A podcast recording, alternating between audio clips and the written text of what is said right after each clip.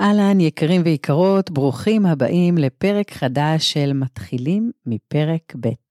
אני דפנה טלקר, מטפלת זוגית, סופרת ומרצה, ואני באה לדבר איתכם בגובה העיניים, איך קמים ומתמודדים עם פרידה, גירושים, ובונים את פרק ב'. אז יאללה, מתחילים. שלום יקרים, היום אנחנו הולכים לדבר על אה, סוגיה שקורית הרבה מאוד בחדר הטיפולים, וזה האדם המשימתי מול האדם הפסיבי. אל תגידי לי מה לעשות, הוא אומר בכעס לאשתו, והיא עונה לו, כבר שבוע הברז מקולקל ואתה לא מביא את עצמך לטפל בו. אדם משימתי ופרקטי מתחתן עם אדם פסיבי. בהתחלה זה ירח דבש. הפסיבי עף על היכולות של המשימתי לידו, והמשימתי כל כך אוהב את הרוגע והיכולת הרגשית של הפסיבי. הוא בדרך כלל כן מעריך את היכולת של האדם הפסיבי להביע רגשות ולהתמודד עם חוסר שלמות, כל זה בדרך כלל לא במודע. התחושה בהתחלה היא שאנחנו מתאימים כמו כפפה ליד. ככל שמערכת היחסים ממשיכה ויש צרכים שונים מהסביבה, מתחילים להרגיש קושי גדול. המשימתי, זה נחמד שהוא רגוע, אבל הוא לא רואה שיש מה לעשות? אי אפשר שהכל ייפול עליי. זה כבר לא רוגע, אלא פסיביות ועצלנות. מספיק עם כל הרגשות והמחשבות, וקדימה לקום, יש עבודה שצריך לעשות. והפסיבי? היא לא נותנת מנוחה. החיים זה לא רק רשימות ומשימות. אהבתי את היכולת שלה, אבל היא עכשיו ממש מגזימה. לא ייתכן שלנגד העיניים שלה יהיה כל היום מה אני עושה ומה אני לא עושה. היא לא הבוסית שלי ולא אימא שלי. אני לא חי את החיים שלי לצידה. אני רוצה להרגיש ולא להיות כל היום רק בפעולות ומשימות. המעניין הוא שבורא עולם לא התבלבל. כל אחד כאן זימן ובחר בשני. יש כאן סוד נפלא שכל אחד יכול לגלות בתוך עצמו. הנטייה היא, כשהוא ישתנה, יהיה הרבה יותר טוב ונעים, או כשהיא תשתנה, יהיה הרבה יותר טוב ונעים. ואז מתקיים לו מחול האשמות במרחב הזוגי. ההאשמות האלה לפעמים נאמרות בצעקות, בעקיצות, בכעסים, בפגיעות, בקורבנות, במסכנות, אך לפעמים הם לא שומעים אותם בכלל. כי הם בשקט במחשבות ובקולות הפנימיים ובראש של כל אחד. אך אל תתבלבלו ותחשבו שאם לא אמרתם, אז ההאשמות האלה לא עשו נזק. כי התודעה שלנו מנהלת את מה שאנחנו משדרים ואת המעשים שלנו, ובטח גם את התוצאות וההצלחות שלנו. ההסתכלות המאשימה לעולם לא הביאה אושר או שלווה לאף אדם, והיא גם לא תביא אושר לאף אחד מבני הזוג. אף אדם לא ישתנה כי הייתה תוקפנות, דרישה, או כי הצד השני מסכן. ההתייחסות המאשימה כן תביא הרבה תסכול וכאב, כי האושר שלי הופך להיות תלוי בשינוי שהשני יעשה או לא יעשה. וכרגע, גם הוא תקוע במחשבה שכשאני ישנה את עצמי, הכל ישתנה. אז מה כן? מה כן עושים? אנחנו לא רוצים להיות אנשים עם הסתכלות מצבית, מהמילה מצב. אנשים שהמצבים והתוצאות מנהלים את מי שאנחנו ואת הבחירות שלנו. כלומר, אשתי לא מרפה ממני ולכן אני מסכן. בעלי פסיבי ולא, נות... ולא לוקח אחריות, לכן אני צריכה לעשות הכל ולכן אני מסכנה. זו הסתכלות מצבית. יש מצב שהוא קשה לי ולא נעים לי, ואני אעשה הכל לשנות אותו. לשנות אותו על ידי זה שאני אגרום לאשתי לעזוב אותי ולהניח לי, לגרום לבעלי לעזור לי כבר. הרצון והפעולות בדרך הזו לעולם לא יצליחו. זו מלחמה שאי אפשר לנצח בה. זה ויתור שלעולם לא, יהיה, לא יביא שלווה. זה להתווכח עם המציאות ולנסות לברוא מציאות חדשה במקום הלא נכון. לנסות לשנות את בעלי או לשנות את אשתי, זה לנסות לברוע מציאות, וזה לעולם לא יצליח. אז מה כן בכוח שלנו לעשות? איך כן אנחנו יכולים לשנות? ההתייחסות, אנחנו רוצים התייחסות של צורה. אנחנו לא יכולים לשנות את המצב. את זה למדתי ביום שגיליתי שהבת שלי חירשת. היא הייתה בת שנה ועולמי חרב עליי. הייתי עושה הכל כדי שהיא תשמע. אך ללא ספק זה להילחם במשהו שהוא לא ביכולת שלי. בדיוק כמו שאני לא יכולה לשנות את בעלי ובעלי לא יכול לשנות אותי, גם אני לא יכולתי לשנות את המצב שפתאום הבת שלי תהפוך מחירשת לשומעת. ההתייחסות של צורה אומרת את החומר, את המצב, אני לא יכולה לשנות. אך את ההסתכלות שלי וההתייחסות שלי יש באפשרותי לבחור. את המתכת אני לא יכולה להפוך לחימר, אך אני כן יכולה להחליט אם אני בונה ממנו שולחן או רובה. זאת אומרת, חומר הגלם תמיד יישאר אותו חומר גלם. בצורה קיימת בחירה עצומה. הבת שלי חירשת וזה חומר הגלם שלי, שאותו אין לי אפשרות לשנות, כי אני לא יכולה לשנות את המצב. עכשיו אני יכולה להחליט אם אני לוקחת את התפקיד של להיות אימא לילדה חירשת ולומדת איך לקדם ולעזור לה כמיטב יכולתי. או שאני מאשימה את העולם ובוכה על מר גורלי או מר גורלה, הבכי הזה כנראה לא יפתור שום בעיה. הוא לא יהפוך פתאום את הילדה שלי לשומעת. בדיוק כמו שהאישה המשימתית, אם היא תבכה ותתעצבן על זה שבעלה כל כך פסיבי, זה כנראה לא יפתור שום בעיה, וכנ"ל ההפך. זה הגיוני ולגיטימי ברמה מסוימת, שבהתחלה אנחנו מתאבלים ובוכים על זה שרצינו משהו אחר, אבל בתקווה שנתעשת וניקח את עצמנו בידיים. בהסתכלות צורנית, אני לא יאשים את המצב שהבעל פסיבי והאישה משימתית. אני לא אנסה לשנות את השני, כי זה החומר גלם שקיבלתי, ואין אפשרות לשנות מתכת לחמר או מים. אלא אני אבין שיש כאן אתגר שהוא בצורת ההתייחסות שלי. בכדי להסביר זאת יותר לעומק, נרד טיפה יותר פנימה לכל אחד מבני הזוג ונבין את העמדה הנפשית ואת המציאות הנפשית שממנה הוא מגיע. הפסיבי חי בבית שבו כל דבר שהוא עשה, היה להורים מה לומר. תמיד התחושה הייתה שהוא לא טוב מספיק. האסטרטגיה שהוא פיתח הייתה, עדיף לא לעשות, כי כך לא יכעסו עליי או ירדו עליי יותר מדי. כשאני עושה כשאני לא עושה, אין טעויות. זה לא שטעיתי, אלא פשוט לא עשיתי. בהערה צדדית, חשוב לי לומר שאין כאן עניין להפיל על ההורים את האשמה. דבר ראשון, הם עשו את הכי טוב שלהם.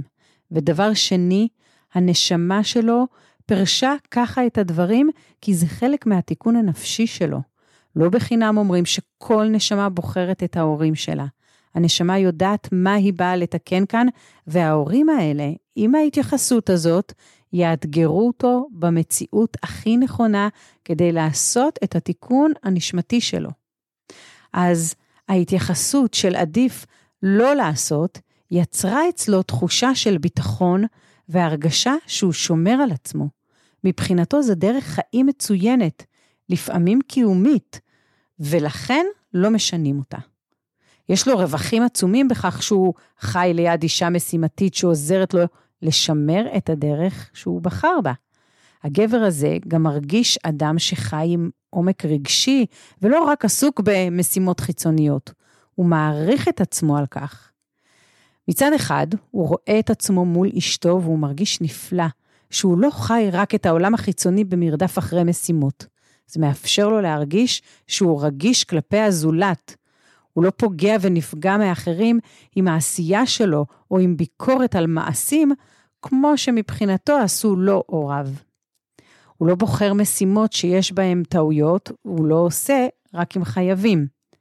ויש לו את כל הלגיטימציה שבעולם לא ליזום, לא להחליט, לא לקום, כי היא חייבת שהכל יהיה כמו שהיא רוצה, אחרת היא לא מרוצה.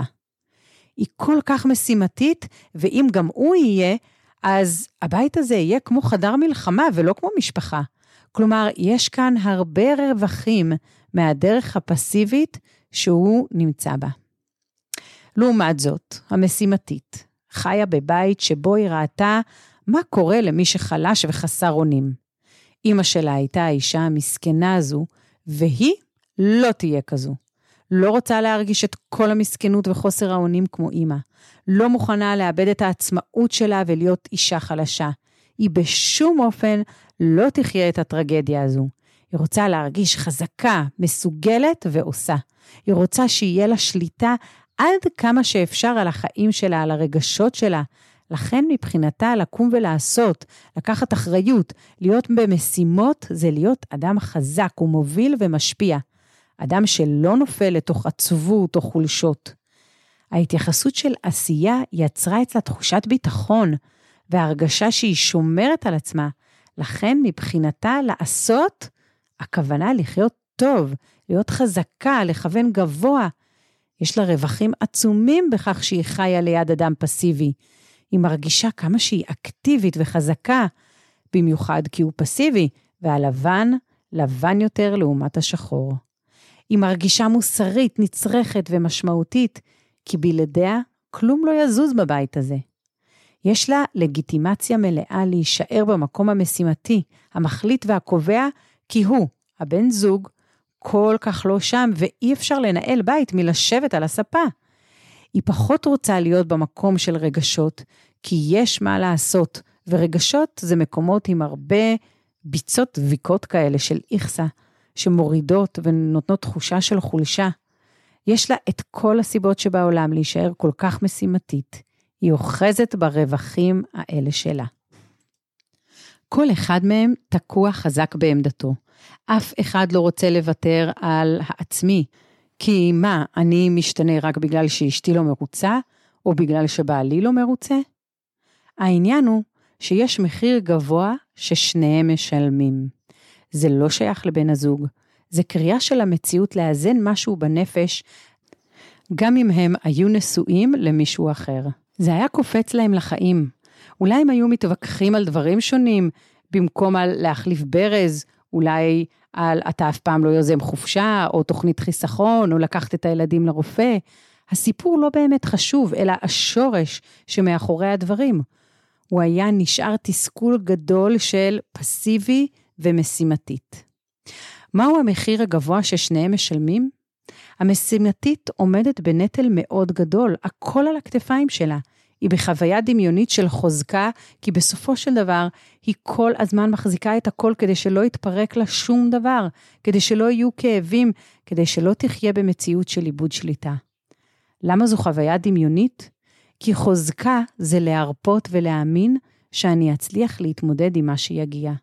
ולא כל היום לסדר כך שיהיה כמו שאני חושבת. האישה הזו מרגישה בדידות מאוד גדולה בתוך הזוגיות, כי הכל על הכתפיים שלה לבד. הפסיבי לא מפתח את היכולות שלו, חי בבינוניות, ללא תפקיד, ללא תחושת מימוש או שליחות, מרגיש בדידות וחוסר ערך. הוא חי בדמיונות שאשתו חוסמת אותו ומחלישה אותו, שבפועל הוא לא לוקח אחריות ונהנה מהיכולת להאשים אותה ולא לעשות. כל אחד מהצדדים צריך לשאול את עצמו, האם נכון לי לשלם מחיר שכזה? איך יוצאים מהמורכבות הזו? גישה צורנית אומרת שרק את ההתייחסות אפשר לשנות. עד היום, בוודאי השקעתם מאמצים רבים בכדי לרצות שבן הזוג יעשה שינוי, אך זה לא הביא לשמחה ואהבה, אלא כנראה לעוד הרבה כאב ועצב. כי תפילות שבן הזוג ישתנה, הופך אותי למסכנה ותלויה בשינוי שלו. וכמו שאיינשטיין אמר, זו ממש טיפשות לעשות שוב ושוב את אותו הדבר ולצפות לתוצאות שונות. אז הנה, הגיע הזמן למשהו אחר, להתייחסות חדשה. בן הזוג שלי הוא מראה בשבילי. הוא שליח שבא לאפשר לי לבדוק ולראות צדדים שלא ראיתי קודם. המציאות לא שייכת לבן הזוג שלי, הוא הגיע אליי במדויק. ניסיון העבר מראה שוב ושוב שגם אם הזוג הזה יבחר בגירושים, הבעיה של כל אחד מהם תישאר איתו, לכן, מעכשיו, עדיף לבחון משהו חדש. לא עוד שאלות של למה זה קורה לי, למה הוא מתנהג ככה, למה הוא לא רואה, למה הוא חסר רגישות. השאלה החדשה היא, מה בורא עולם רוצה שאני אלמד על עצמי? יש לי פה שיעור ואני רוצה ללמוד ולדעת איך אני משפרת את עצמי. הפסיבי, אם הוא יבחר להישאר ללא בת זוג, הוא יצטרך לקחת את עצמו בידיים ולנהל בית ולדאוג לילדים ולתפקד בעבודה. רמת האקטיביות שלו תהיה חייבת לעלות. אם הוא ייכנס למערכת זוגית חדשה בלי להתבונן בשיעור שהמציאות מנסה להראות לו, בלי לטפל בנקודה הכואבת שלו שמורידה אותו, נקודה פנימית שיוצרת בתוכו קונפליקט ומשאירה אותו חסום ובסוג של אזיקים שהוא שם על עצמו. אם הוא לא יעשה שינוי, הזוגיות הבאה תהיה מאוד דומה במהות שלה, עם תחושת בדידות דומה, רק עם תחפושת שונה. המשימתית, אם היא תבחר להישאר ללא בן זוג, החיים יפגישו אותה עם חוסר שליטה, עם עומקים של רגשות ועם, חול... ועם חולשה. הם פשוט יגיעו ממקומות אחרים, אולי של הורות ופרנסה. אם היא תבחר בזוגיות חדשה, ללא טיפול והבנה של התיקון שהיא צריכה לעשות בתוכה, היא תגיע לנקודה דומה של ללמוד להרפות, רק עם סיפור קצת שונה. הנקודה המשמעותית היא להבין שלפעמים אנשים מתגרשים כי המסגרת וההתמודדות עם האדם הזה לא מתאימה להם, אך העבודה האישית נשארת אותה עבודה. לכן, בהתייחסות של צורה, האמירה הפנימית תהיה כזו. המשימתית, בעלי מאוד פסיבי, זה מפריע לי וקשה לי. אני מרגישה שהוא עצלן ולא לוקח אחריות. שימו לב שאנחנו לא מתכחשים למחשבות ולרגשות שעולים. מציפים אותם בלי פחד ועם ביטחון, שיש לי כאן עבודה עם ההתנהלות הזו. לכן אני שואלת את עצמי, מה הוא בא להראות לי? מה הוא בא ללמד אותי? איך אני לומדת לכבד את מי שלא נוהג בדרך שלי, ויחד עם זאת שומרת על הגבולות שלי ועל הערכים שלי? איך אני מנהלת רק את עצמי ולא אחרים, למרות שזה קשה לי? הפסיבי, אשתי תמיד עם משימות. היא לא נותנת לי לנוח ותמיד נותנת לי הרגשה שאני עצלן. אני יודע שיש לי כאן עבודה וזה לא סתם פוגש אותי. לכן אני שואל את עצמי, מה היא באה להראות לי וללמד אותי? איך אני לומד לכבד ולהחשיב אותה למרות שזה לא הדרך שלי? איך אני אמפתי כלפיה ויחד עם זאת אני שומר על הגבולות שלי והערכים שלי? הגוש, הגישה הצורנית מורידה את השיפוטיות כלפי האחר ומזמינה אותי לברר מה אני רוצה, מה מתאים לי, איך אני בוחרת ליזום את הפעולות שלי שמשקפות את הרצונות שלי, ולא איזה פעולות אני עושה כדי שהשני יעשה שינוי. לפעמים התגליות הן לא פשוטות כשמסתכלים על האמת בעיניים, ולכן קשה לנו לפעמים להיות במקום הזה. אולי פתאום נרגיש עד כמה בן הזוג שלנו מרוחק ולא פרטנר. זה יכול להזמין אותנו לפעול לחיבור חזק יותר. או להגיד שלום. כך או כך, כדאי שהדברים יגיעו מתוך החלטה שקולה, מחוברת למקום פנימי ואמיתי, ולא מתוך אין ברירה, ולכן אני פועל כך. לפי שיטת חמשת הצעדים של צמיחה זה ייראה כך. צעד ראשון, יש לי כוחות להתמודד עם האתגר הפסיבי או המשימתי שבי. שתיים, יש לי כאן שיעור ללמוד לאזן את עצמי ולהיות אמפתית כלפי הסביבה שלי, גם אם אני לא חושב כמוהו. צעד שלישי, רוצה. אני רוצה מערכת זוגית אמפתית, אוהבת, שלא עושה חשבונות קטנים. צעד רביעי, פעולה. צעד רביעי, פעולה. זו תהיה פעולה שמבטאת את השינוי שאני רוצה לעשות בתוכי. לדוגמה, האישה פה בחרה לא להעיר לבעלה כשהוא שוכב על, הס... על הספה בלילה בלי כוחות. היא בחרה להגיד לעצמה מילים שירגיעו אותה כדי שהיא תחשוב מחשבות חיוביות. הוא בחר להבין שגם לה יש מנגנון הגנה שאומר לה לפעול בדיוק כמו שלא יש מנגנון הגנה שאומר לו לנוח. זה שלה, והוא בוחר להיות אמפתי כלפי הדרך שלה, על ידי זה שבכל פעם שהיא תבקש ממנו לעשות משהו, הוא יגיד לעצמו בלב, זו הדרך שלה. זה לא אומר שהוא יקום ויעשה, זו אמירה פנימית שהוא לוקח אחריות עליה. אלו הצעדים הראשונים שהפסיבי והמשימתית בחרו לעשות לטובת הרמוניה זוגית שלהם. זה רק תחילת הדרך. הצעד החמישי, הידד, הם אלופים. למה הם אלופים? כי כל אחד מהם לוקח אחריות על החיים שלו, ולא על החיים של בן הזוג שלו. כשאתם מזהים את הכשל של בן הזוג שלכם, הוא פסיבי, הוא משימתי, כדאי לזכור שבאמפתיה אנחנו יוצרים חיבור ומרחב נעים, וכשזה קורה, השמיים הם, הם הגבול. בפרקים הבאים אני בהחלט ימשיך וידבר על נושא האמפתיה, איך עובדים ואיך מביעים אמפתיה. אם יש דבר אחד חשוב, חשוב, חשוב, שהייתי רוצה שתיקחו איתכם, זה לזכור תמיד שכל דבר שפוגש אותנו בחיים בא לאתגר אותי ולבקש ממני לבדוק מה נדרש ממני ומה אני בוחרת, ולא מה נדרש מהשני, ולא מה הוא בוחר או מה הוא צריך לבחור. זאת אומרת, תמיד אני מנהלת רק את העסק של עצמי. יותר מזה, כשאני מנסה לנהל עסקים של אחרים, זה אומר שאף אחד לא שומר על העסק שלי. אנחנו לא יכולים להיות בשני מקומות בו זמנית. לכן, עזבו את מה שהוא צריך לעשות. תשמרו על מה שאתם צריכים לעשות. זה כלל פשוט של ואהבת לרעך כמוך. זהו יקרים להיום. חשוב לי לומר עוד דבר קטן, שהרבה מאוד מהתוכן הזה זה תוכן שלמדתי אצל הרב אדם סיני, חשוב לי לתת לו את הקרדיט הזה. בינתיים, להתראות יקרים בפרק הבא.